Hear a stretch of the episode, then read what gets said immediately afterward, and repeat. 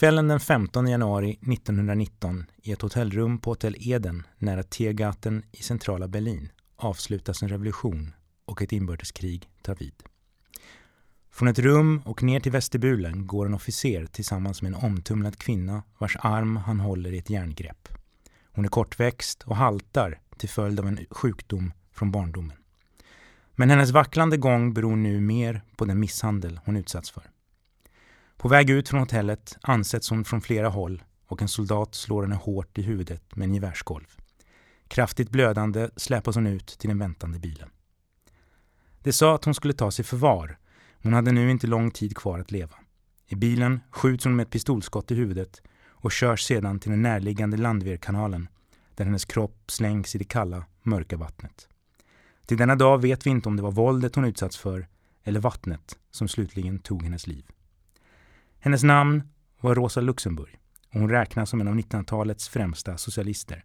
En tänkare som tampades med såväl socialdemokrater till höger om henne som Edvard Bernstein, som med hårdföra kommunister till vänster om henne, som den ryske revolutionsledaren Lenin.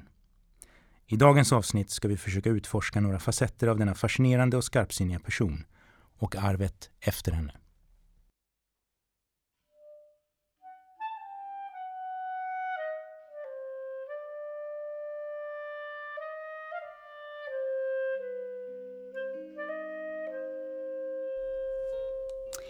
Ni lyssnar på det tredje avsnittet av Rena Rama Samhällspodden och i studion sitter jag, Louise, Rosbe Parsi.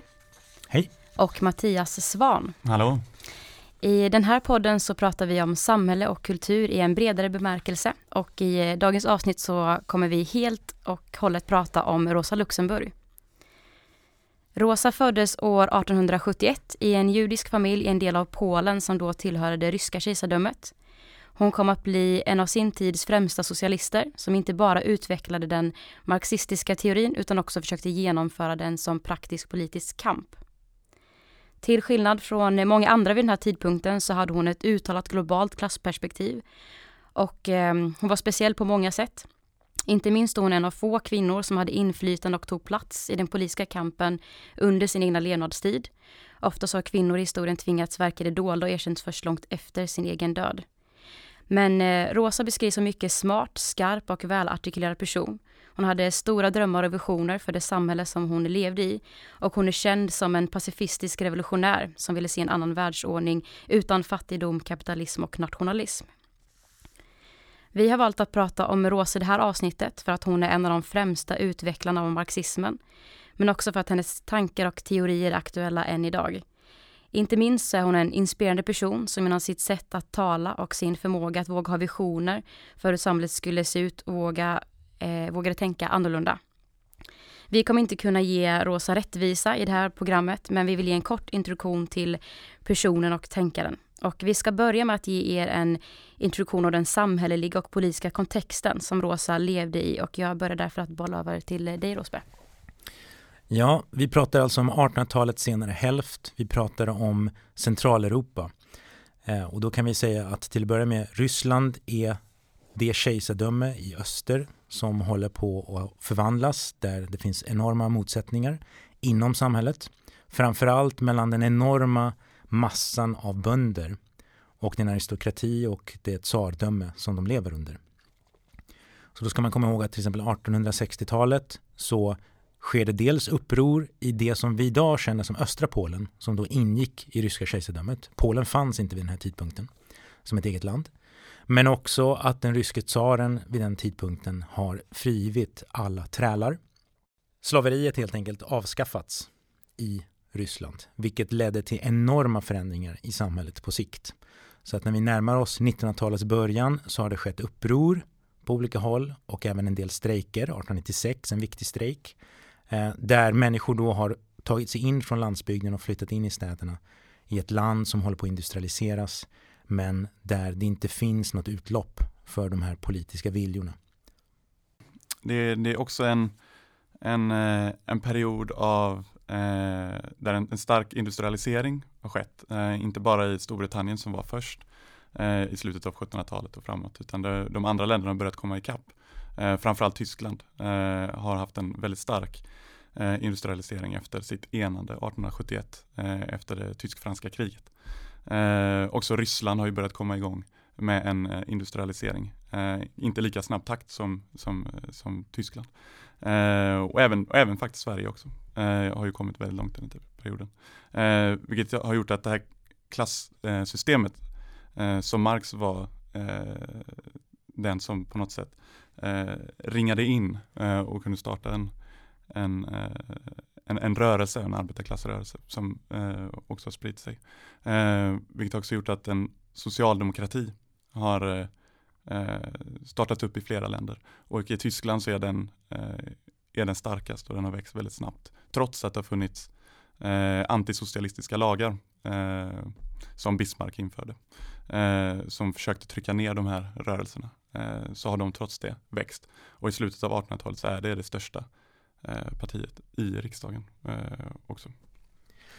Och det, är, det, är, en intressant aspekt kanske att komma ihåg där att när den tyske kanslern Bismarck först är jättehård mot de här olika arbetarklassrörelserna i det som blir enade Tyskland och sen vänder så är det ett sätt att försöka ta udden av den revolutionära glöden. Det vill säga genom att försöka inlämna de här så att säga, missnöjesyttringarna i ett partisystem så hoppas man då slippa en helt så att säga antisystemisk revolution istället.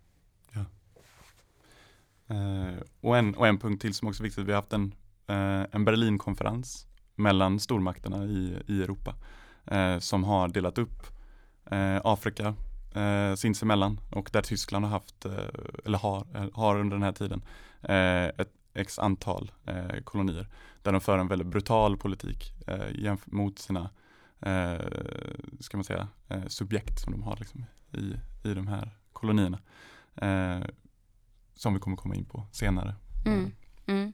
Precis, så Rosa levde och verkade i en väldigt politisk tid som var väldigt turbulent som vi förstår. Det är lätt att kanske att glömma att det har varit så mycket som har hänt i Europa under den här tiden. Och hon var ju starkt inspirerad av detta, och just som vi pratade om då, arbetarrörelsen.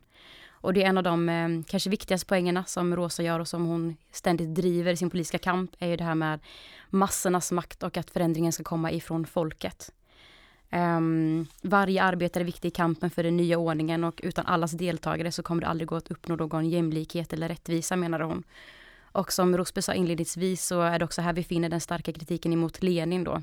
För Lenin drev mer än en kamp som skulle, som skulle vara organiserad och toppstyrd med en grupp som leder och som formar och styr revolution och det nya samhället. Men Rosa vände sig då emot detta och menar att det aldrig skulle, skulle gå att uppnå någon frihet om man ledde det så. Um, jag har ett citat av henne här som jag kan läsa som lyder den av Lenin förordade ultracentralismen ter sig dock i hela sitt väsen som genomsyrad, inte av en positiv, fruktbar anda, utan av en nattväktaranda. Hans idé är i huvudsak att kontrollera partiverksamheten, inte befrukta den och att begränsa rörelsen och inte hålla samman den. Så hon eh, var ju väldigt då kritisk till den här toppstyrda tanken och ville att folket själva skulle agera, att det skulle vara underifrån. Hon menar att det var genom att verka och göra som man fick en, en ny syn och kände sin förmåga att som, som deltagare i samhället påverka. Och eh, ja, hon, eh, hon pratar utifrån det här perspektivet om spontanitet och menar att revolutionen skulle vara spontan och, eh, och drivas av deltagande och inte vara styrd från en, en makthierarki.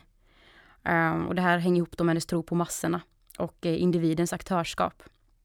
Och det är intressant tycker jag om vi tänker på hur vårt samhälle ser ut och styrs idag för att vi, ja, vi har politiker som sitter i riksdag och regering och eh, folkets politiska deltagande är relativt lågt. Vi röstar vart fjärde år och mångas engagemang slutar där. Men det här skapar då en, en makthierarki som är farlig och jag tror att Rosa skulle vilja vända sig starkt emot den typen av, av styr av ett land. Som du säger, det är är ju på något vis att hon har en, en väldigt mer organisk syn på hur det här ska gå till. Så det är inte att hon är mindre revolutionär nödvändigtvis än till exempel Lenin då som kommer att leda det som blir den, den framgångsrika revolutionen i Ryssland 1917. Men att hennes syn på hur det här ska gå till och framförallt därmed vad det ska leda till är något helt annat. Så att hon befinner sig verkligen i någon sorts eh, position mellan den reformistiska klassiska socialdemokratin som vi känner igen den idag och den vad ska vi säga, totala revolutionära tanken som finns hos Lenin och Trotsky. Eh, och i det avseendet så är väl hon kanske hon kanske är lite mer romantisk helt enkelt. Eh, I den meningen att, att hon har en tilltro till tanken på att vi försöker och vi försöker igen och vi försöker mm. igen. Och genom varje mm. misslyckande så lär sig folk, alltså blir mer medvetna om sin situation mm. och var, vad som behöver göras åt den. Medan hos Lenin så har vi snarare tanken på att vi är tio personer som vet hur det ska gå till. Och nu pekar vi med hela handen och så följer ni. Mm. Nej, precis, så menar du att det kommer vara många misslyckanden men det är de som vi står på idag kan ta steget längre hela tiden. Mm. Så så är det på något sätt att man gör sådana små revolutioner och så, så kanske det faller men sen så bygger mm. man upp det och gör någonting nytt igen. Och hon hade ju en extrem tilltro till eh, folket. Och det är ju en intressant dimension tycker jag av henne. Och eh, om man utgår ifrån den eh, skrivningen som finns av henne, att hon är den här starka karismatiska personen som var en oerhört skicklig talare och som fick folk med sig. Mm. Så kan man tänka sig att den responsen hon fick av folket gav henne en tilltro till folket som gjorde att hon mm. trodde på dem och kände att mm. vi Absolut. kan göra detta. Och hon, eh, hon är fascinerande att läsa när man, när man läser hennes tal och så, för hon är väldigt mycket så att hon ses som ett redskap i den här kampen, så hon är väldigt medveten om sin förmåga. Hon säger själv att jag är en exceptionell talare till exempel. Men att hon använder den här förmågan för folkets kamp. Så folket är stora saker och jag vill göra stora saker för folket med folket på något sätt. Mm. Och den, den, det är det jag tycker är så himla intressant att se också i, i hennes kritik som vänder sig inåt mot socialdemokratin. Eh, och den utvecklingen som den eh, håller på att hända och framförallt där vid, vid sekelskiftet 1899 och 1900. Eh, just den här tron på det icke toppstyrda.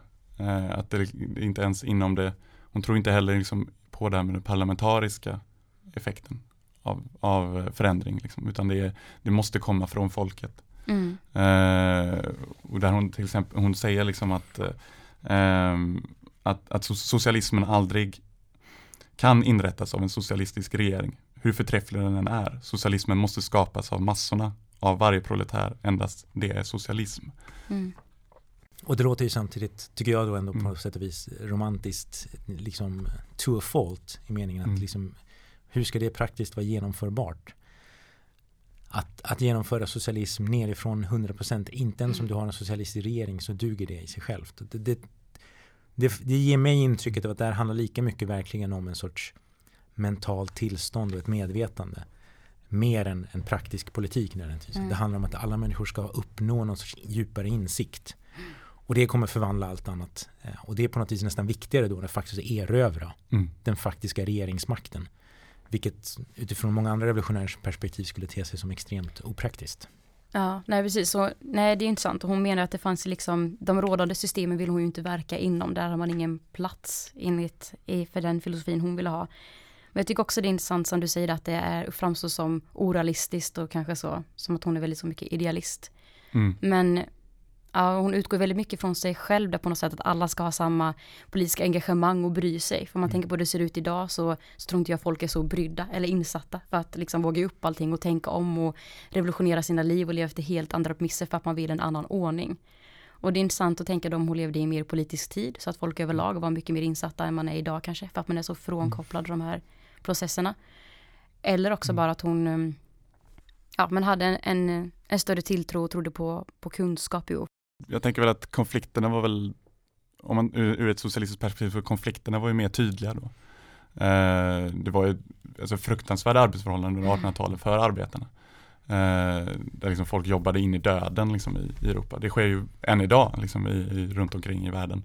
Eh, men i Europa så, så var det ju en, en, en, en fruktansvärd arbets, arbetsvillkor man jobbade med. Liksom. Ja eh, exakt. Och vi ska ju gå in och prata mer om revolution och reform mm. strax. Men jag tänker också bara det, ni upplever när man läser om hur folk hanterar hennes prat om spontanitet så är det så att det framstår som någonting jättesplittrat som var helt kaos. Mm. Men det behöver inte heller ha varit så utan det var ju folk som var pålästa som drev detta. Det är ändå någon typ av organisering som sker att folk går samman.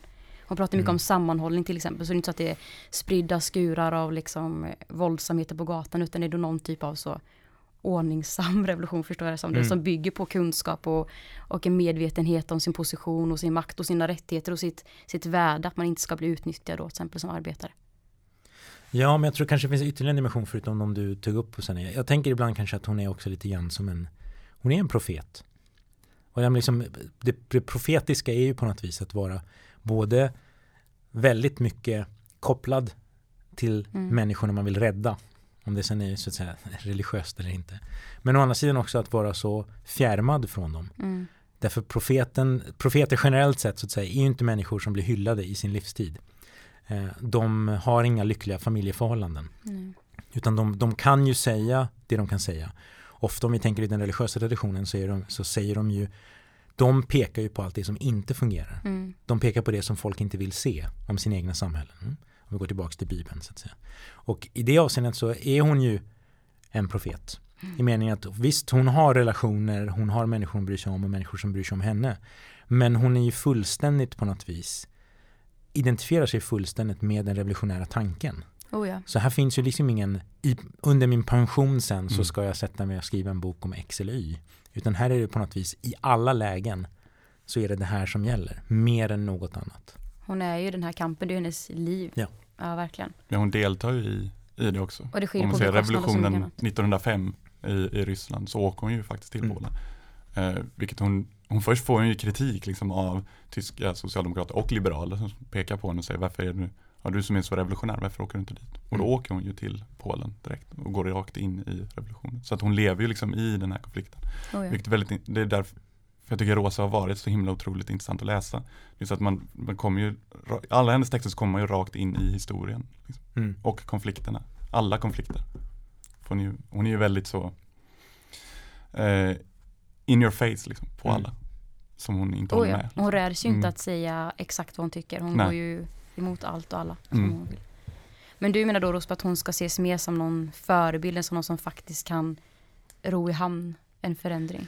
Ja, alltså det kan man ju säga att, att det faktum att hon mördas brutalt i princip i slutet av vad som skulle ha kunnat blivit en ordentlig revolution. Även om den är, i, man kan säga att när hon mördas så är den ju på sätt och vis över. Och det är en komplicerad revolution som vi ska komma tillbaka till senare. Eh, så att det är lite orättvist i meningen. Det är både orättvist för och mot henne. Vi kan inte veta om hon hade kunnat lyckas bättre. Eh, och hon kommer inte behöva konfronteras. Hon behövde inte konfronteras med de svårare valen i en kamp. För det som är revolutionen som blir ett inbördeskrig, hur hade hon ställt sig till det? Mm. Det behöver vi så att säga inte, det behövde inte hon ta ställning till för hon dog innan dess. Mm. Och vi behöver därför inte ta itu med det, den delen av hennes arv för att Mm. hon har inget arv i det avseendet. Eh, då är det ju så, och därför är det både på gott och ont, det är lättare att, att sympatisera med henne än till exempel med Lenin. Som så att säga var brutalt Mm. framgångsrik. Han, han kanske var framgångsrik för att han var brutal. Eh, och det innebär då också att hans arv är mycket tydligare av ett visst slag. Mm. Det är svårare att romantisera Lenin än vad det är Rosa Luxemburg. Mm. Eh, Men jag kan tycka att hon är en, en extremt fascinerande person. Mm. Men jag kan också tänka att jag har svårt att se hur hon skulle kunna leda en revolutionär regering. Jag tror inte hon skulle känna sig bekväm i den rollen nödvändigtvis. Nej, inte alls. Nej. Men den frågan kan hon ju inte komma ifrån. Att skulle hennes egen revolution vara framgångsrik så måste det förr eller senare resultera i en revolutionär revol- eh, regering. Den kan ju inte liksom bara spontant existera som en massa människor eh, hela tiden. Det funkar ju inte heller. Och, det, och det, det måste hon ju själv ha insett med tanke på hur extremt systematiskt hon hade läst Marx och alla andra och kunde analysera allt från ekonomi till politik. Att du kan ju liksom inte styra ett samhälle med miljontals människor enbart utifrån någon sorts allmän gemensam insikt och spontanitet. Nej, precis. Ibland känns det som att det var bara massa små gräsrotsrörelser som hon fascinerades över. Eller så. För hon skriver om hur, hur det, när det uppstår strejk så organiserar arbetarna sig själva utan att någon så går i, går i bräschen för dem och säger vad de ska göra och de delar på Mm. arbetstimmar och Mm. lön och så. Och det är liksom, det blir hon superinspirerad av. Det funkar ju Ehm, på, på lokal ja, nivå. exakt. Men hur hanterar Mm. ett land som Tyskland? Nej, precis. Mm. Eller en hel värld då, för hon är ju också en eh, globalist som Mm. vill ha en, en internationell socialism. Men vi kanske ska ta och gå vidare där och titta lite på det kanske kändaste verket hon har skrivit, där hon hanterar huruvida man ska skapa då samhällsförändring genom reform eller revolution. Och eh, Rosbe ska ge oss en introduktion. Ja, den, den blir ju lite orättvis nästan per definition därför att eh, man kan väl säga att i många avseenden så är hennes kritik, alltså den här bok, eller boken då, eh, Reform och revolution, den uppstår ju som en, en kritik mot en annan bok, en annan text som skrivits av då Edward Bernstein som kommer att bli en av förgrundsfigurerna för den här mer reformistiska jobba inom systemet förståelsen av, av socialism. Det som vi idag skulle känna igen som helt vanlig socialdemokrati kan man väl säga. Eh, och, så det är lite orättvist i den meningen att det är hennes kritik som har blivit mer berömd än det hon kritiserade. Eh, och det säger väl kanske också någonting dels om hennes skarpsinne men också hennes retoriska förmåga.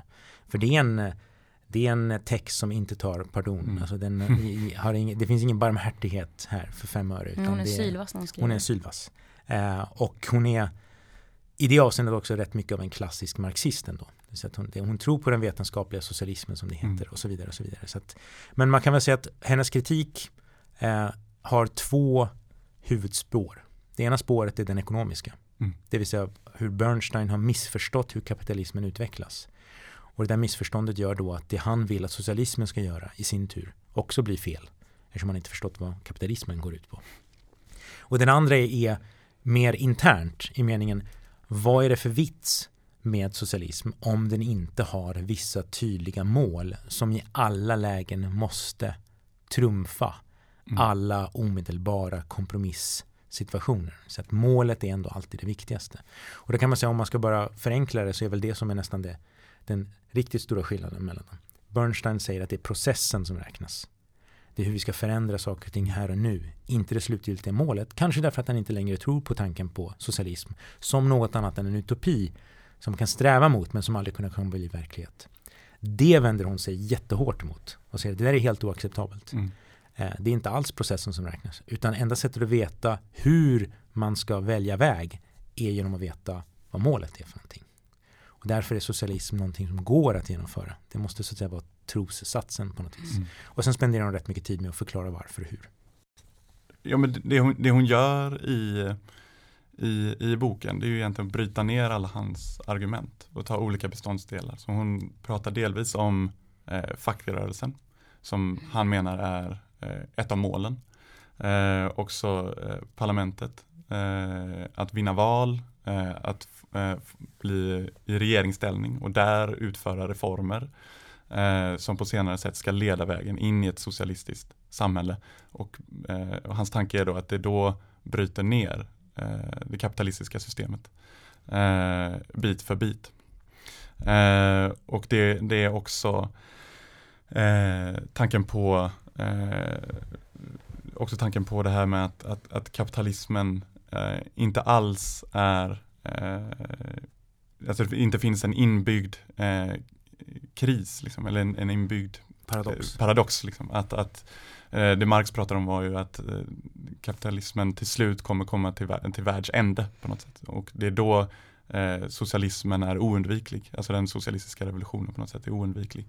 Eh, för att eh, kapitalismen i sig kommer liksom försvinna och av de här olika kriserna som han menar då kommer ungefär var tionde år. Liksom. Och det menar Bernstein att kapitalismen har lyckats bli av med den tiden då han skriver boken. Att den har hittat sätt att hela tiden anpassa sig, att hela tiden parera, eh, parera eh, kriserna på något sätt. Ja, det blir kriser, men att eh, ur krisen så hittar den alltid nya sätt att överleva och utvecklas. Eh, vilket gör att kapitalismen kommer aldrig i sig självt att liksom dö. Utan, utan att det handlar om att på, på olika sätt eh, bryta ner liksom, systemet. Eh, eh, och det jag menar Rosa är, är fel, för då undgår man, man går ifrån målet, en, en, den socialistiska revolutionen. Eh, vilket hon är väldigt skarp och då säger att vad är då syftet med socialdemokratin? Vad är syftet med so, eh, socialismen om inte målet är att eh, omstörta hela systemet? Mm. Eh, och, och tron på den här att kapitalismen till slut kommer förgöra sig själv. Eh, att det på något sätt då försvinner funktionen med socialismen. För det är, det är, hon ser det som en funktion också. Eh, en, en, en, en naturlig följd på något sätt utav det samhället som hon lever i just då. Eh, och då menar hon att eh, snarare att eh, jag får säga så här att hon, hon är ju liksom inte emot reformer, vilket man kan eh, missförstå eh, Rosa. Hon ställer sig inte mot facket. Hon ställer sig inte mot liksom, parlamentet i så sätt. Liksom det hon säger är att de går in, de är inte förenliga med det systemet de lever i här och nu, eller man liksom förenligt med det kapitalistiska systemet. Eh, utan eh, de kan vara medel för att förbereda eh, arbetarklassen då, att göra revolution, eller folket att göra revolution. Mm. För att få till en demokrati, som hon senare menar, den socialistiska demokratin. Hon problematiserar väl det här med reformer mm. genom att säga att om vi om vi eh, lagstadgar och har reformer som gör kapitalismen liksom dräglig Mm. att leva med så kommer den få fortsätta finnas. Mm. Så jag menar att reformen fungerar som någon slags så politiska liksom stötdämpare och skyddskuddar som bäddar in det här då systemet som exploaterar folk så att det går att leva med. Ja, men, men samtidigt så är det väl också så att hon Vitsen här är väl lite grann att hon menar ju inte att reform och revolution är motsägelsefulla. Nej. Så att hon vänder sig inte mot tanken på reform. Hon vänder sig väl snarare mot Bernsteins tanke på att det måste vara antingen reform Mm. eller Mm. revolution. Och att slutmålet ska vara en annan ordning då, men det är, väl, det, väl, det är så hon räddar Mm. reformerna för Mm. revolutionen. Mm. I meningen att om vi har målet klart för Mm. oss, Mm. Då fungerar ju reformer. Mm. Därför att vi måste tänka på reformerna som också steg på väg mot Mm. en ny ordning. Mm. Och den nyordningen kommer i längden då att vara en revolution. Mm. Hon skriver bokstavligt talat det, det, hon är emot den här tanken på att reformer är någonting som går långsamt, revolutioner är någonting som går fort. Mm. Att inte, den, den klassiska förståelsen av dem vänder hon sig emot. Det är en viktig Ja. Och det innebär då per definition att det är inte, en, det är inte nödvändigtvis så att det måste vara den ena eller den andra. Utan att de på något vis hänger ihop. Och det, har att göra, och det där, därför blir målet viktigt. Om man inte har målet klart för sig, då kanske man nöjer sig med reformer. Mm. Och det är det hon menar, liksom att de här revisionisterna som hon kallar dem, Mm. Bernstein och andra, att de på något vis genom att av, eh, så avskaffa målet kan slå sig till ro med de här tillfälliga Mm. reformerna. Mm. Och det är då därför att de har missförstått kapitalismen. Den krisar ständigt. Mm. Den kommer alltid att krisa. Mm. Varje ny- nytt sätt att dämpa en kris kommer att generera nya kriser. Mm. Så därför är revolutionen på sätt och vis oundviklig. Mm. Men det innebär ju ändå inte att man inte måste jobba för den. Så det är inte som att man liksom kan luta sig tillbaka Nej. och rulla tummarna så kommer det bli revolution bara för att det är kapitalism. Nej, exakt. Det är också något som är viktigt också, det är att, komma ihåg med Ro- Rosa här när man läser den, det är också hennes, hon pratar om demokrati, begreppet hela tiden och använder ju det hela tiden. Eh, att när han pratar, och hon kritiserar ju Bernstein för att säga att demokratin, det finns demokrati. Liksom. Eh, där han menar att om vi vinner val så kommer vi lyckas och, den, och att eh, hans syn på staten, eh, att den är neutral, menar hon är falsk. Hon menar att staten i sig är i det kapitalistiska systemet kapitalistiskt. Mm. Vilket gör att en socialistisk regering kommer aldrig kunna göra det folket vill.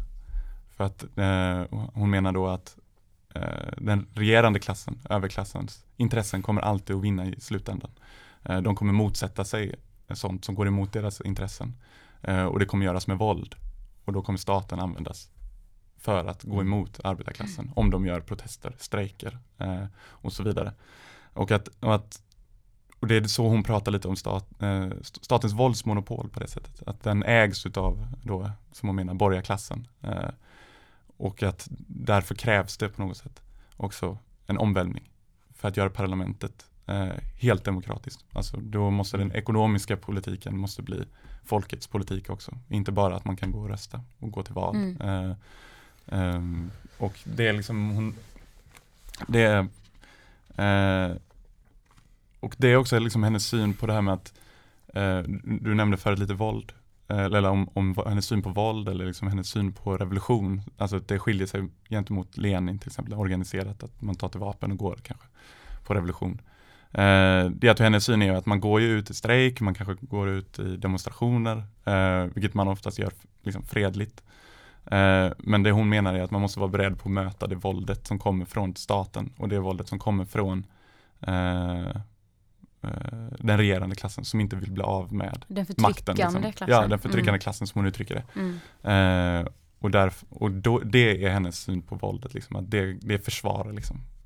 Mm. Det, att det, Det kan man också säga kort att hennes, hennes förståelse för det här förändras också lite med tiden hon lever. För Mm. hela den samtiden blir ju Mm. mycket mer våldsam.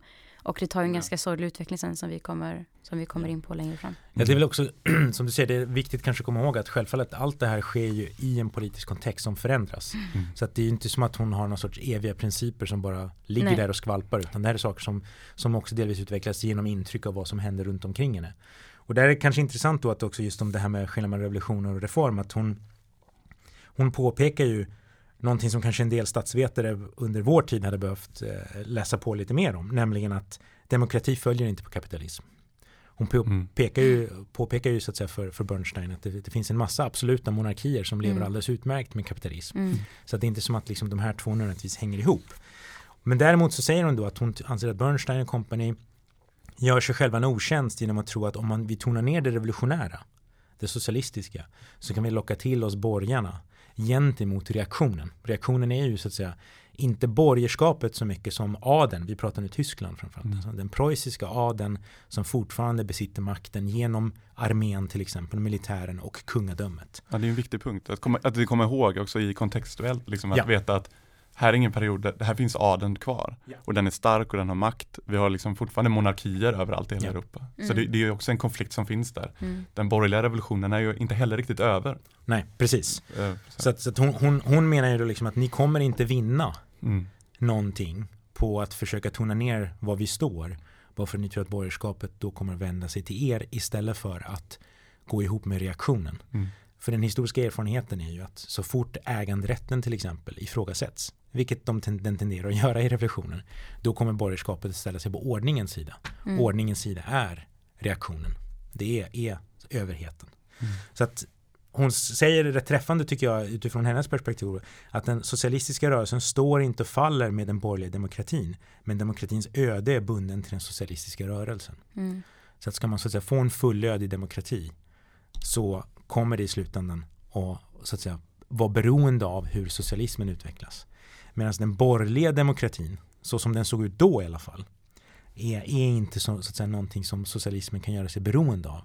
För att i så fall mm. så har man ju så att säga gett upp sitt slutgiltiga mål. Därför det kommer aldrig vara accepterat. Mm. Ekonomisk demokrati ingår inte i den borgerliga demokratin per definition. Och där blir det på något sätt också den här skolan av att, eller så många, som som man skrev om då, alltså den naturliga följden, demokratin var på något sätt den naturliga följden och mm. samhällsutveckling, natur, alltså att det kommer automatiskt per automatik vara en stegrande utveckling, linjär, liksom. vi går mot mer och mer demokrati. Medan det hon motsätter är att nej, inte, real, inte realiteten kommer inte automatiskt, nej. utan det, måste, det är ett hårt arbete och det kommer förändras hela tiden. Och som du säger, det beror på, alltså socialism är inte heller en garanti för att det ska gå. Och det menar hon ju, därför ställer hon sig emot mm. Lenin, mm. bland annat. Eh, och hans topp, det här toppstyrandet på något sätt. Eh, där hon hela tiden trycker det här med folket, att det ska komma underifrån. All makt ska komma underifrån och det ska inte komma uppifrån. Liksom. Ja, men den synen på demokrati, den kan vi ju kan vi känna igen i mm. våra dagar. Så demokrati är inte så att säga en gång för alla vunnet och sen så är den stabil Nej. och konsekvent och liksom för evigt varande. Så att, eh, att, att nå demokrati är en kamp, att behålla demokrati är också en kamp. Mm. Mm. Just hennes syn på på facket bara för att förtydliga det. Liksom att han, det är samma sak där som med reformen, att hon ställer sig inte emot fackrörelsen. Eh, vilket många liksom anklagar henne för. Utan det var ju, det var ju samma sätt, liksom, att det är ett medel, en förberedande process eh, att organisera och bilda folk och bilda, och bilda folk. Eh, och att, men att hon menar att den kommer aldrig liksom, i sig kunna förändra någonting mer än att vara någon slags förhandlingsbar punkt gentemot i lönesystemet. Liksom. Att den går att hela tiden försöka arbeta mot att det ska bli rättvisare löner, att man ska få ut mer rättvis lön och att arbetsvillkor ska bli lättare på något sätt. Eh, och, men att hon menar att den, eh, den i sig måste också ha hela tiden målet att nå förändringen, eh, revolutionen på något sätt. Eh, men, men att Bernstein på något sätt menar att det är ett av målen. Liksom. Det är fackrörelsen på något sätt. Men det är väl någonting som hon skriver om i masstrejk artikeln mm. också. Så mm. att hon tittar på Ryssland och visar på hur de här massstrejkerna, på tal om det här med att ständigt förlora men ändå vinna. Att de här massstrejkerna är en sorts, eh, vad ska vi kalla det för, övningsrundor. Mm. mm. För att lära sig att organisera sig, sprida ett klassmedvetande eh, och därigenom uppnå, vad ska vi säga, en sorts upplysningsprojekt. Exakt, alltså det är genom görandet man förändrar sin syn på sig själv och sin position och vad man kan göra och sitt värde ju. Ja, och mm. därmed så blir ju facket mer än bara en lönefråga mm. på sätt och vis. Den mm. blir ju ett, eh, både ett, ett, projekt i sig självt och ett instrument. Ja, ja, det är intressant och jag tänker att vi ska gå vidare och titta lite mer på vad hon säger om imperialism och rasism. För hon är ju en person som har ett globalt perspektiv och pratar om ett internationellt perspektiv hela tiden. Mm. Och innan vi går in där så tycker jag bara att vi återigen ska påminna om att hon ju alltså verkar i en tid där kvinnor inte ens har rösträtt. Så att hon tar all mm. den här platsen och hävdar sig och, och står längst fram i mångt och mycket av de här mm. frågorna är ganska fascinerande också och eh, hennes och egenskap av att vara judisk också. Mm. mm. Där hon, alltså när hon flyr från eh, Polen, eh, som hon gör i, i eh, eh slutet av, eh, när är det, 1800 Det är någon gång, eh, ja, 18, Hon kommer till Berlin 1898, 1898-99. Ja. Eh, Men att vi i alla fall då kan titta lite närmare på att hon utifrån sin egen historia, kanske som att hon är uppvuxen med så splittrade identiteter och förhåller sig därför kritiskt till nationalism, också har en extremt medvetenhet om imperialism och rasism och pratar Mm. mycket om det i sin klasskamp. Också det faktum att inte nog med att hon inte har rösträtt som kvinna. När hon kämpar för de här sakerna i Tyskland så kommer hon inte få rösträtt där heller, ens om det hade lyckats, därför hon är inte tysk medborgare. Nej, det. Så att, att, att Mm. där, där ser vi liksom det här Inbyggd Verkligen det här paradox. globala, Ja. liksom idealistiska. Liksom, att Mm. vi, hon, hon, hon kommer aldrig få rösta där såvida inte hon blir tysk medborgare. Inte för att det liksom var... Undrar på sätt och vis om det gör det möjligt för henne att vara så att löpa linan ut så mycket. Därför att hon är Mm. på något sätt, hon för en kamp som på något sätt inte som hon är utanför ju, samtidigt som hon står i mitten av den. Förstår du vad jag menar? Alltså, hon, Jag, jag tänkte faktiskt, eh, nu när du säger det så tänker jag på Che Guevara. ja. Alltså jag menar, titta på, på Lenin och Trotsky Mm. Company. De, hur mycket globalt de än vill ha det och de vill revolutionen ska spridas och så vidare som alla revolutionärer så nöjer de sig ändå relativt snabbt med att, att ha fått sitt Mm. huvudpris, nämligen Ryssland. mm, Eh, Fidel Castro är nöjd med Kuba, han är kuban. Men Che Guevara som är från Argentina och som har varit med och skapat den kubanska revolutionen drar vidare till Bolivia. mm, Eh, och jag, man, man, man kan undra lite grann om, om ens revolution hade lyckats i Tyskland. Hade Rosa Luxemburg stannat kvar? mm, jag tror inte det. Utan då har kanske Polen Mm, eh, hade varit hennes nästa steg. mm, mm. Ja, det är väldigt, en väldigt intressant punkt och det säger väldigt mycket sen ur den här diskussionen om im- imperialismen och nationalism. Eh, hennes syn på världen på något sätt. Och hennes syn på eh, socialismen. Eh, eller hennes tolkningar utifrån det. Liksom. Eh, för att det är också, för att återkoppla till det här med att det är en föränderlig liksom, tid också. Att hon, Mm. förändras hennes syn på, på olika saker. Eh, alltså det här eh, nationalismen växer sig väldigt stark i Tyskland under tidigt 1900-tal. Eh, det är en diskussion, en ganska hård diskussion Eh, om kolonialismen. Eh, kolonialismens fördelar och eh, nackdelar. Där många liksom kritiserar kolonialismen utifrån ekonomiska termer. Att det, de tjänar inte på det egentligen utan det är, inget, det är ingenting som man eh, borde fortsätta med medan andra menar att det är ett nationalistiskt, liksom, det här är någonting för att visa upp sitt imperium, eh, visa sig stark eh, gentemot eh, de andra stormakterna. Eh, och, och i hela den här så står Rosa utanför liksom, på något sätt och pekar med, med hela handen och säger att det här är fel. Eh, dels moraliskt fel men också ur, ur systematiskt liksom, hur det eh, ur ett kapitalistiskt eh, system så är det här också en, en del av kapitalismen. Eh, och en del av kapitalismens liksom, eh, eh, liksom naturliga utveckling på något sätt som hon ser det som. Eh, som hon delar bilden med eh, till exempel Lenin. Eh, om att den här ständiga behovet av, av systemets utveckling och systemets expansion mm, avsättningsmarknaden, att hela tiden hitta nya marknader. Eh, och en- den här idén om att marknaden blir mätt, eh, mättade liksom, och priset stagnerar och sånt där, så måste den hitta en ny marknad och öppna upp nya eh, sätt att producera och nya produktionsmedel. Och, sådär. Eh, och de som hamnar i kläm då menar Rosa är ju eh, ursprungsbefolkning och befolkning i andra delar av världen eh, Eh, som inte är en del av det kapitalistiska systemet men som tvingas på det genom eh, erövringar eh, eller handelsavtal eller eh, ren kolonialism liksom, eh, och ren eh, imperialism. Liksom. Eh, och, och när de ställer sig emot det eller man inte vill motvälligt, så är det ofrånkomligt att det blir våld. För då menar hon att kapitalismen står inte och väntar på att någon kommer säga att det är okej utan det kommer, systemet i sig kommer tvinga fram ett liksom, våld och en konflikt. Eh, och samtidigt så pågår det en, en tävling mellan olika aktörer som vill åt med produktionsmedlen. Och det är den här upprustningen då, nationalistiska upprustningen och eh, den imperial, eh, imperialistiska upprustningen som hon ser i Afrika och hon ser i Europa. Eh, som hon eh, eh vill motverka och som hon ställer sig och är rädd för. Eh, och inser att det, om man inte gör någonting och inte förändras så kommer det leda till ett krig. Jo men alltså, jag hakar på där, för jag tycker det där är viktigt att komma ihåg att nu pratar vi liksom inte om teori i meningen att det här är teoretiskt, utan det här är ju så att säga, det här är människor som så att säga, kan upp, har upplevt och studerat 1800-talets andra hälft. När den här imperialismen på riktigt, jag menar när, när amerikanerna med, med kanonbåtar tvingar Japan att öppna upp sina Mm. hamnar på 1860-talet, så är det ju för att kunna få en marknad och få en möjlighet att därigenom ta sig till Asien. Mm. Så kopplingen som finns mellan kapitalism som ett ekonomiskt system och den politiska och militära erövringen av territorier runt omkring jorden. Det är liksom ingenting som folk har kommit på efter andra världskriget. Det var mycket tydligt uttalat i parlamentet i programförklaringarna för de olika projekten. Och det är därför du får den här olika typen av kritik. Nämligen, men det är inte lönt. Alltså vi får inte ut de pengarna vi hade tänkt. Men då kommer status argumentet mm. in istället. Det är viktigt för vår status, det är viktigt att ha en militärbas där eller där och så mm. vidare. Och det som är bra, det, det som är så att säga fascinerande med, med, Luxemburg, kanske mer än många andra, det är ju att hon inte bara kritiserar utifrån någon sorts ekonomiskt marxistiskt perspektiv, mm. utan hon har en, en, helt annan vad ska man säga, bild av människor. Mm. mm. Som gör att, att dels uppskattar hon eller åtminstone har förståelse för andra delar av världens historia. Mm. Till skillnad från Marx, som tyckte att koloniseringen av Indien var bra. Därför att det var ett sätt att få indierna att få lite historia. Mm. Eh, eh, ja. ja. Eh, därför att i, i, utifrån en väldigt teoretisk förståelse, nämligen ja. att historia har man bara om man har en dynamisk mm. konfliktutveckling. Mm. Den har man inte i Indien därför det finns ingen kapitalism. Mm.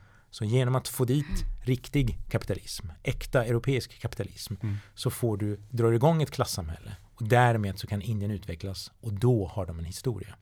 Så det har, har sin egen perversa interna logik. Mm. Men det är så att säga, medan Luxemburg snarare ser förtrycket ja. eh, och, och, och, utgår inte från att människor i långt bort i stan inte har historia förrän de har en kapitalism så som vi förstår den. Men kanske mycket för att hon själv aldrig haft en så fast identitet i termer av nationalitet eller så mm. då. Hon har ju tillhört många olika länder och hon var jude, hon var förtryckt på många av de här mm. sätten som gör att hon kanske förstår att detta inte finns.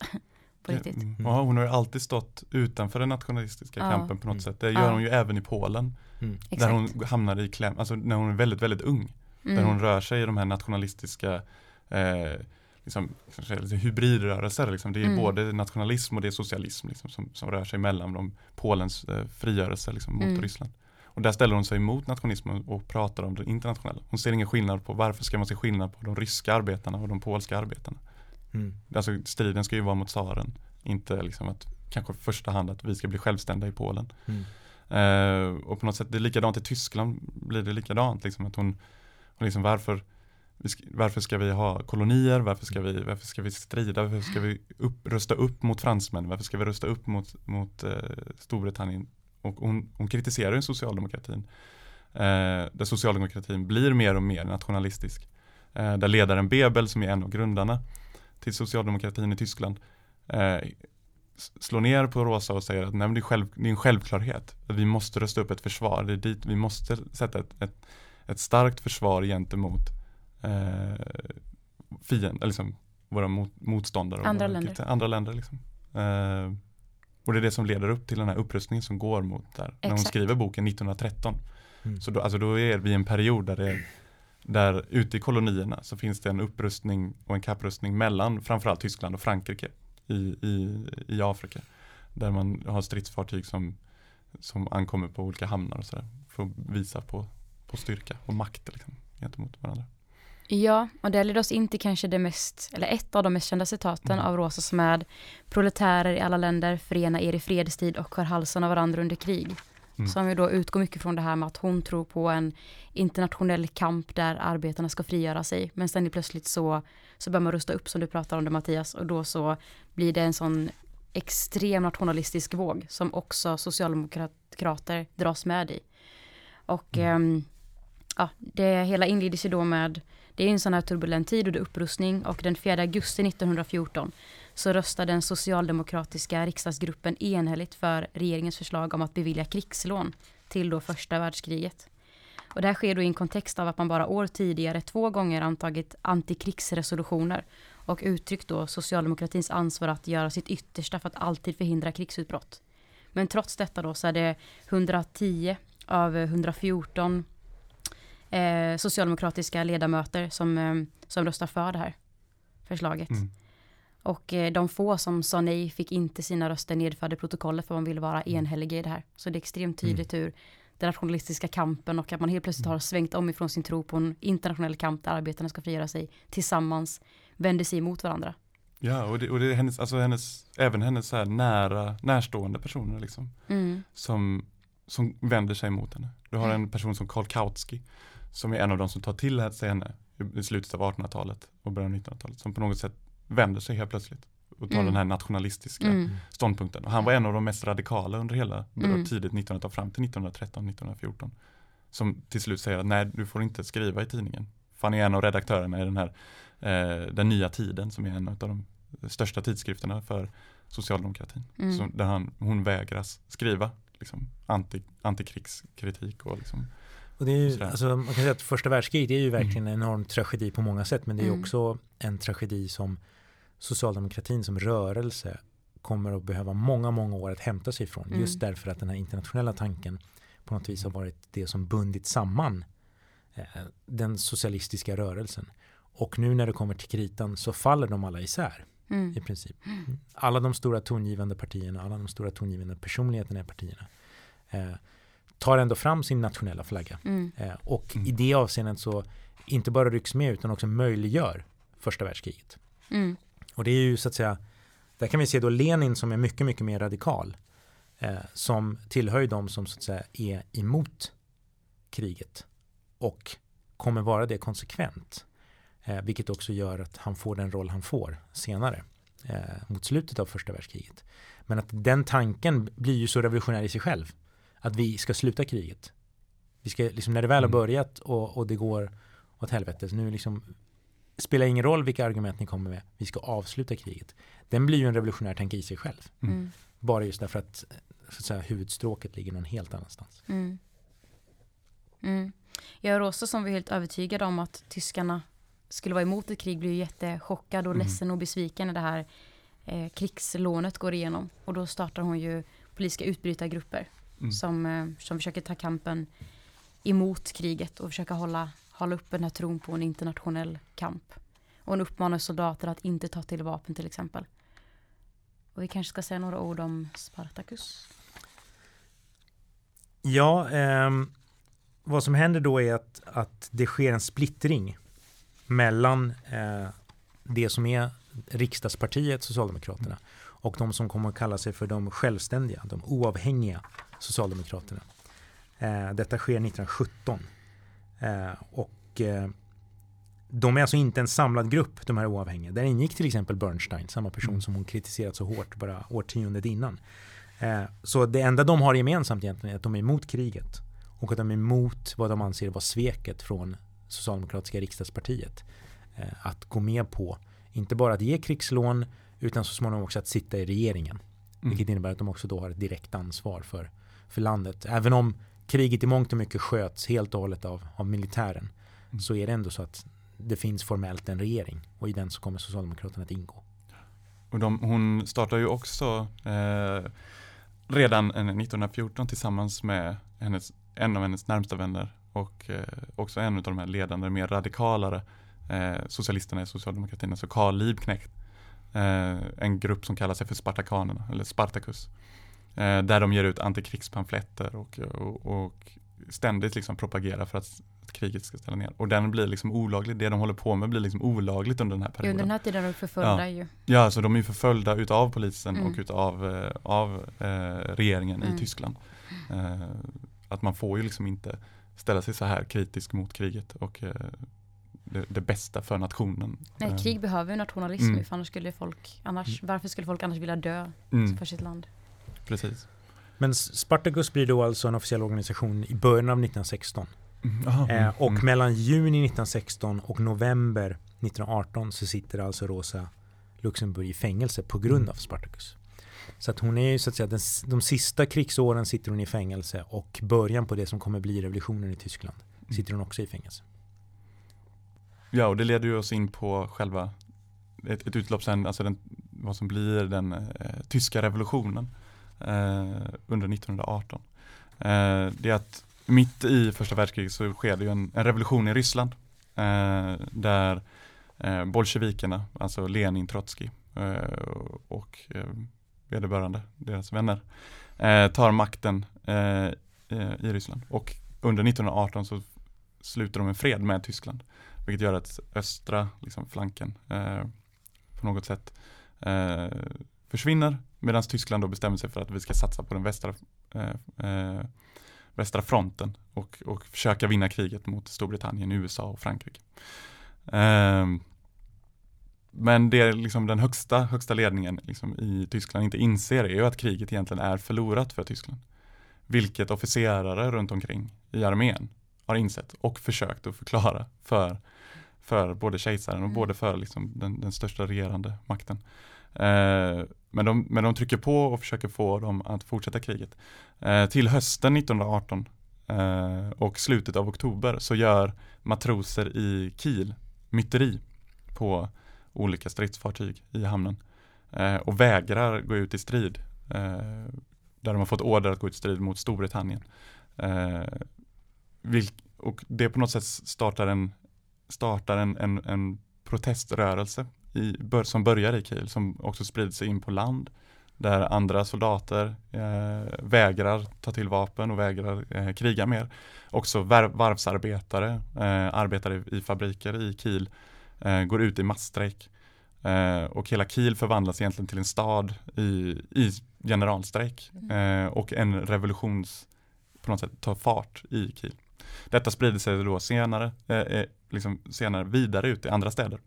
Eh, det är sådana här massstrejker och generalstrejker eh, och bildningar av liksom soldat och arbetarråd bildas runt omkring i Som är verkligen är spontan underifrån. Verkligen spontant underifrån. precis så som Rosa hade önskat att det ska gå till. Eh, så alla blir tagna på sängen? Man. Alla blir tagna på sängen. Även, även de mm. i, i Spartacus och mm. Eh, de som har velat ha, stoppa kriget. Och, eh, på något sätt. och det här gör ju liksom Tyskland handfallet. Eh, det dröjer inte länge innan, de, innan kriget är över på något sätt. De måste ge, ge upp liksom, Tyskland. Ehm, och den 9 november så kommer revolutionen till Berlin. Och då snackar vi att det är flera hundratusentals människor som går till gatorna i demonstration, i massstrejk eh, soldater som, som enas in i den här gruppen av, av eh, massa av människor. Eh, och de marscherar mot slottet och riksdagen.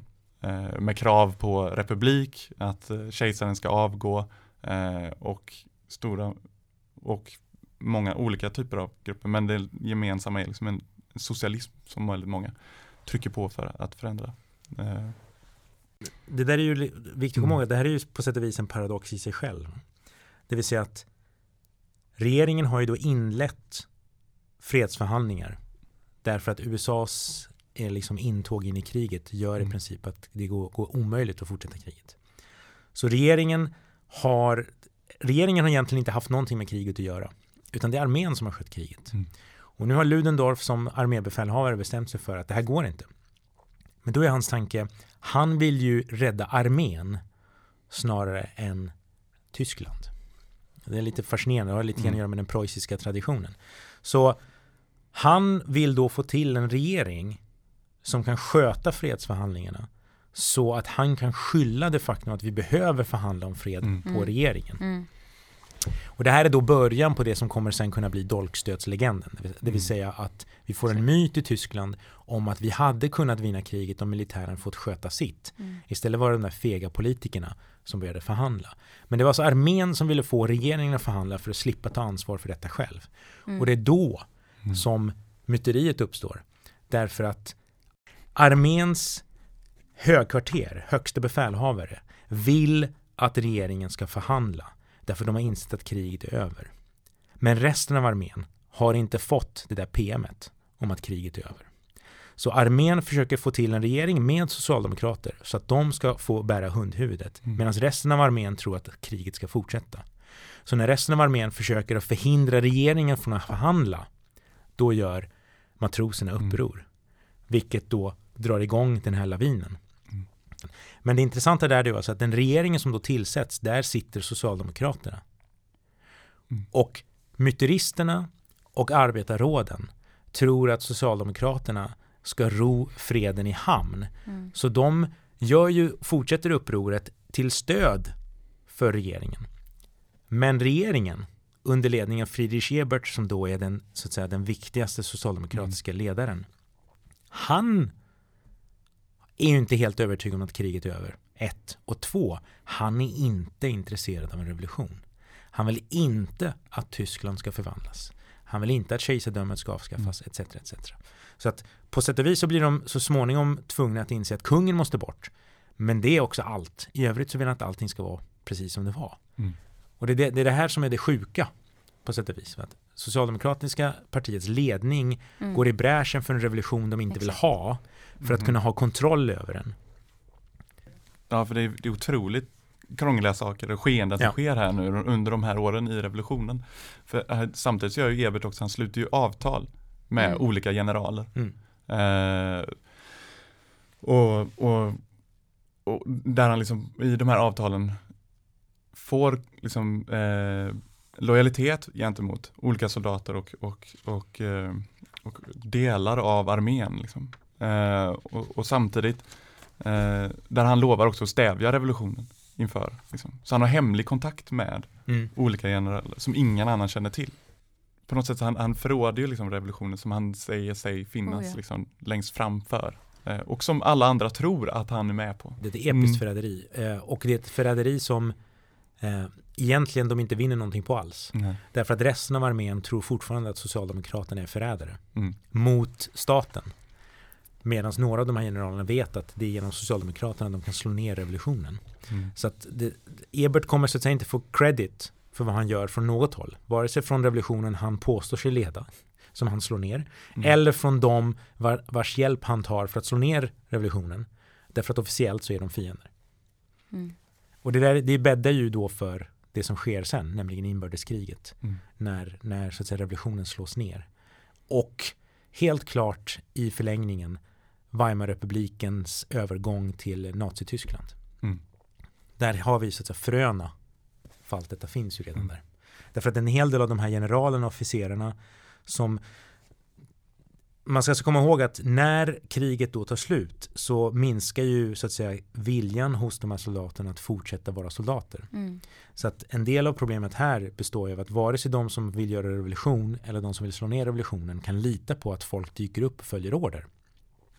Och därmed så uppstår delvis med Socialdemokraternas hjälp det som kallas för frivilligkårerna. Det är som de här olika grupperna Mm. av organiserade soldater med småfurstar till generaler som inte egentligen har någon gemensam eh, inbördes ordning eller kontakt. Men Men ni är beväpnade till tårna. beväpnade, Ja. Mm. beväpnade till tänderna Mm. och tårna, Och ideologiskt bu- liksom drivna. extremt åt höger. Mm. Ja. Extremt åt höger och väldigt så antisocialistiskt Mm. och, an- och antirevolutionära. Liksom. Mm. Så det är perfekt om man vill slå ner en revolution. Liksom. Men de gör det då Mm. med Socialdemokraterna. Även om Mm. de själva inte riktigt alltid inser det eller vill erkänna det. Mm. Och de där frivilligkårerna, en hel del av de officerarna, blir sen kärnan i Adolf Hitlers Mm. Mm. första rörelse sen. Och då ska man komma ihåg att allt detta sker ju under en relativt kort tid som Oh är ja. extremt turbulent. Mm. Så man kan ju bara föreställa sig vilket skräckvälde Tyskland måste vara på den här tiden. Och när vi också pratar om fri, frikårerna så är det väl också Ja. en grupp där som är med och, eh, och Ja. mördar Rosa. Ja, vi pratar ju veckor och Ja, månader här. exakt. Så till exempel i liksom årsskiftet Och det är ett krig. 1918-1919, alltså på nyårsafton, så, så, så, så liksom startar ju och bildar eh, Liebknecht och eh, Rosa Luxemburg det kommunistiska, det tyska Mm. kommunistiska partiet. Som får finnas i två veckor Mm. innan Liebknecht och eh, Rosa Luxemburg avrättas eh, på Hotell Eden. Alltså jag menar det, det går så himla snabbt där och då, liksom, där tror ju de att de ska kunna de startar det här partiet i hoppet om att vi ska kunna vända revolutionen nu. Från att socialdemokratin börjar ta, liksom, hålla järngrepp om revolutionen så kan vi lyckas få människor att gå med. Och de går ut i demonstrationer men som slås ner, något brutalt. Liksom. Och de jagas och de splittras och måste gömma sig Mm. eh, de som har gått ut i den här demonstrationen. Och då går de ju ut med de här lapparna där det står bröder, skjut inte. Eh, som hade lyckats den 9 november att vända soldaterna som hade i uppdrag att skjuta ner demonstranterna eh, i Berlin. Då lyckades de vända de här, eh, att soldaterna öppnade upp kasernerna, öppnade upp riksdagen, lät folk komma in. Det försökte man igen då i början av årsskiftet att göra. Eh, men där det blev tvärtom, eh, där de slogs ner istället eh, och sköts på. Där jag tror det är ett 150-tal människor Mm. eh, skjuts ihjäl och också ytterligare några hundra som fängslas och stoppas i fängelse. Mm. Och där Rosa Luxemburg och Carl Liebknecht då flyr undan och försöker gömma sig. Eh, men där de hittas då sen 15 januari. Mm. Eh, Ja, man kan bara säga det, vi kanske Mm. tidigare då. det är november, 8 november så släpps Rosa Luxemburg ur fängelset. Därför, man, därför revolutionen har nått Berlin. 11 november så kommer vapenstilleståndet som på sätt och vis avslutar mm. första världskriget. Eh, och över jul och nyår så är det alltså strider mellan olika beväpnade grupper mm. i Berlin och på andra ställen. Och 15, natten mellan 15 och 16 januari så mördas de. Mm. Så det är en extremt kort tid och ofantligt mycket händer. Mm. Och det där tillskrivs ju olika värden också. För först så ljuger man ju om hur de här mm. personerna mördades. Mm. Och sen så ställer man någon inför rätta för det här mordet som sen får skadestånd för att han blev straffad för att ha mördat dem därför att han mm. fick order om att mörda dem. Mm. Så det, det från att ha varit då någonting som man försöker hymla med blir istället en någonting man stoltserar med. Absolut. Och där kan vi säga att där har ju, där är ju Rosa Luxemburgs egen tanke som du nämnde tidigare att staten aldrig kommer vara neutral. Det är ju väldigt tydligt. Mm. Det vill säga att domaren i rättegången, åklagaren i rättegången, militärerna som deltar och Socialdemokraterna i bakgrunden mm. är alla överens om att det här var nödvändigt. Mm. Att döda och, och, det är det som på sätt och vis också är det, det bisarra. Att menar, Rosa Luxemburg och Carl Liebknecht ledde ingen revolution. Mm. Hon satt i fängelse när den började. De blev tagna på sängen som alla andra. Mm. Men de kom att bli symbolerna som både Socialdemokraterna och högern behövde för att kunna hävda att revolutionen var farlig och bestod av X, Y och Z.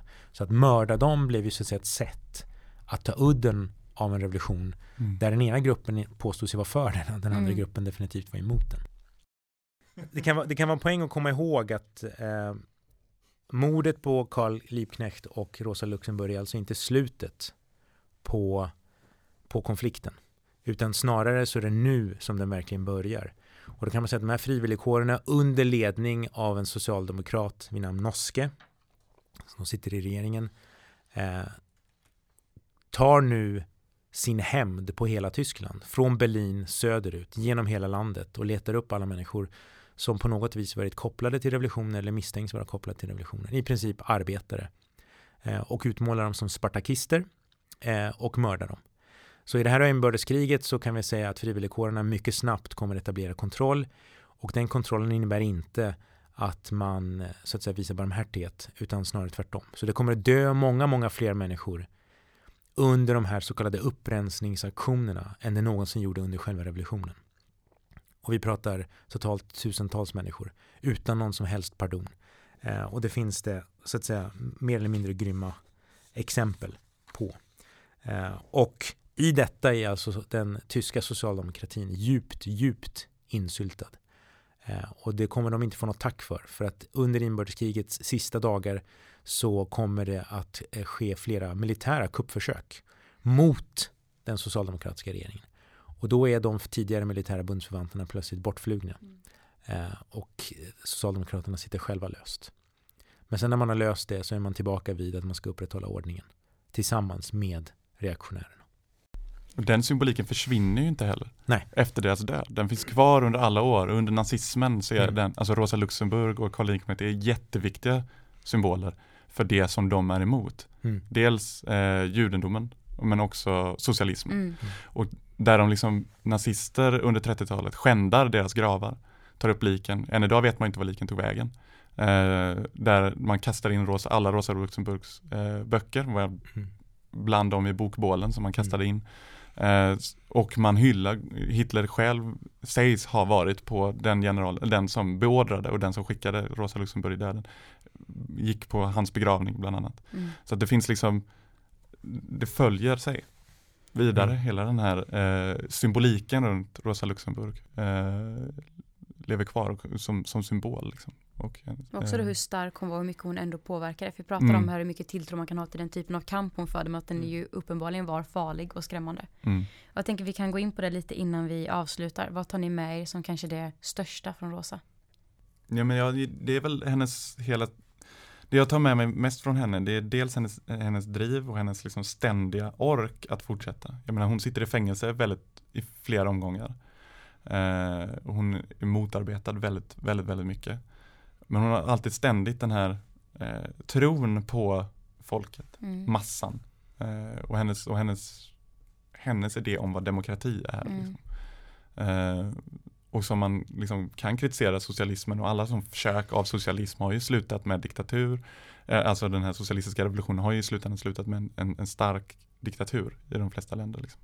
Det som du sa Rusp också, det är intressant att veta att vad som hade hänt om det hade lyckats. Vad hade Rosas plats varit? Hade hon blivit en motståndare mot det som hade skett? Mm. Hade hon blivit mördad av revolutionen själv? Hade hon blivit mm. de som mördas mm. i den ryska revolutionen? Mm. Som var med i revolutionen? Som började ifrågasätta mm. mm. utvecklingen? Som mördades liksom. Mm. Framförallt de som mördades under Stalin. I en revolution, i en socialistisk revolution. Hur länge klarar man att hålla kvar? Mm. Tron på massan, tron på folket, att det är underifrån liksom vi ska styra. det är de här arbetarråden, det är facken, det är liksom de som ska vara med och styra, mm. inte en toppstyrd regering alltså av olika politiker. Deltagandet. Liksom. Mm. mm. Jag fascineras mycket över hennes eh, språk och på det sätt som hon drev sin kamp, för det är så mycket känslor i det där. Så även om hon är extremt smart och påläst, hon blir alltid beskriven som en väldigt begåvad person, så är det väldigt mycket känsla i allt det där. Och det tycker jag man saknar i hur man pratar om politik idag. Att man mm. inte vågar beröra de här ömma punkterna eller få folk att våga se det obehagliga kanske. Utan det är mycket mer så pragmatiskt och fyrkantigt. Men hennes sätt att driva kampen på, att hon var så passionerad i sin mm. politik, det tycker jag är häftigt. Och det tror jag också gjorde att man fick, eh, som om man lyssnade på henne fick man känslan att man också hade en del i allt det där och att man, mm. Man hade en roll att spela på något sätt. Mm. Ja, det finns en djup empati. Ja, och hennes, eh, hennes förmåga att tänka utanför ramarna och våga mm. tro att en annan värld är möjlig. Liksom. Hon är ju liksom en fri fågel mm. i vissa avseenden. Så hon är utanför ramarna. Men samtidigt så kan hon också ramarna utan och innan. Mm. Alltså läser man hur hon kritiserar Bernstein så är det inte liksom någon som bara går på känsla nej, i nej, meningen. Utan hon, hon, hon vägleds av sin känsla men hennes kritik är med, med en skalpell. Den är liksom, mm. den är sylvass mm. och den är precis. Hon börjar från en jättetidig ålder att läsa den här tunga litteraturen så hon är ju verkligen, eh, hon mm. har ju på fötterna så att säga. Det tror jag gör henne, inbillar mig lite unik. Mm. Alltså det är inte en partipolitruck, mm. det är inte en ideologisk fyrkantig person. Hon har verkligen liksom på något vis lyckats mm. koppla sin empati till en väldigt precis form av, av, av kritik och analys. Mm. Och det är ett väldigt speciellt liv. Jag har inte gått in så mycket på hennes Nej. privata liv och alla hennes relationer. Men man pratar mycket om det här drivet och det är så mm. lätt att kanske glorifiera det. Men man får inte glömma att hon ju själv mådde jättedåligt i perioder. Mm. Hon hade nästan ingen relation till sin familj. Och mm. det går att hitta jätteså sorgliga brev från hennes föräldrar om hur lite hon hälsade på dem. Mm. Hur lite hon pratade med dem eller mm. skrev till dem. Och man menar att hon flög liksom högt som en örn och inte hade någon koppling till, till jordlivet. Mm. mm. Så på det sättet så är det också en, ett sorgligt eh, liv. För att hon ja. var sin politiska kamp men hon hade inte alls det här Nej. Det här, de här nära relationerna. Ja men exakt. Och det tycker jag också, det ska vi uppmuntra folk att läsa på mer om. För det är ja, fascinerande historia. Hennes stora kärlek till, till den här lit, ja, litauiska eh, pol, polacken, liksom, alltså Leo Josicek, eller hur man uttalar det. Alltså den är ju jättecentral i hennes liv mm. som följer hela, hela vägen fram till hennes död. Och den här brevväxlingen mellan de två som handlar om politik och, och som handlar om, om, om deras liksom enormt starka kärlek. Framförallt mm. Rosas liksom stora kärlek till honom. Och det är en kärlek de som aldrig... är politik och eh, ja, person. och hur den liksom det, de, det som delar den också, men det är också det som splittrar dem. För att hon drar till Tyskland och han mm. rör sig överallt i hela Europa på något sätt. I varenda mm. liten kamp så ska han ju vara där. Att, uh, jag tror, hon nämner, jag tror det, att hon, han nämner som att han, hon nådde liksom det målet. Att hennes död var något, på något sätt av ett mål. Liksom. Mm. Uh, på något sätt att han, han bildar ju den här slags romantiseringen kring Rosa Luxemburg också. Jo, hon säger någon gång så uh, jag, jag kan dö för den här artikeln för att mm. den ska bli bra. Ja, verkligen. mm. Och han, han är också en av de som avrättas liksom, i Tyskland. Ja. Uh, bara något år efter tror jag, eller något sånt där. efter att Rosa och Karl Eh, mördas. Och deras relation är också intressant ur ett genusperspektiv, mm. att hon är frontfiguren av de två. Och han är den som sitter hemma och ger henne bakgrundsinformation och, mm. Mm. och hon den som är frontfiguren. Och att hon ju var den som var skicklig på att skriva, han var inte det. Mm. Även om han var begåvad och jättepåläst också. Så är det en intressant eh, dimension av den tvåsamheten. Ja, för den tiden. Verkligen. Och att det inte är en stark tvåsamhet. Hon har ju massa andra förhållanden. Fri i alla avseenden. Ja, precis, precis. Dels hennes bästa väns son eller Karl, vad heter hon, Clara Setkins son som hon har förhållande med, som är mycket yngre än henne. Uh, och, eh, och andra personer liksom, mm. som kommer och återgår. Mm. Kommer. Uh, som är det, så på det sättet är hon väldigt okonventionell för den tiden. Liksom. Mm. hon rör sig liksom bortom alla förväntningar Ja, på något sätt och rör sig fritt ifrån Mm. de här och det tycker jag är så oerhört fascinerande. Mm. Hur man kan ha den styrka på något sätt. Men det är kanske också så att den styrkan delvis kommer, eller förmågan att kunna ha den styrkan kommer sig delvis av att inte vara bunden. Mm, exakt. Alltså det är liksom, det går åt båda håll. Mm. Mm. Eh, Hon har inga barn som hon måste skydda. Eh, Hon, hon ger väl inte så att säga hon har väl inte den inställningen till sina föräldrar att hon känner att hon måste hålla igen för att de inte ska råka ut för någonting Nej. och så vidare. Så att det är ju det är lite på gott och ont. Hon tar ansvar över en världskamp istället Mm. över sina nära relationer egentligen. Och det är också ganska... Ja, det finns ju en sorg i det också. Liksom. Ja, för Som- henne själv ja. också märker Mm. man ju. När Som det för alla de människorna henne. som är nära henne. Ja, Mm. men det är väl också lite grann eh, lite grann kanske också som eh, man tänker liksom människor som eh, hamnar i situationer där de får de här adrenalinkickarna och sen så blir det det som är det de gör. Du jobbar för, vad vet jag, Läkare Utan Gränser Mm. i Darfur och sen, sen finns det inget som matchar det. Och då måste du åka till nästa Mm. krishärd. Mm. Och då kommer ju alla dina relationer att se ut därefter. Liksom. Mm. Det är oundvikligt.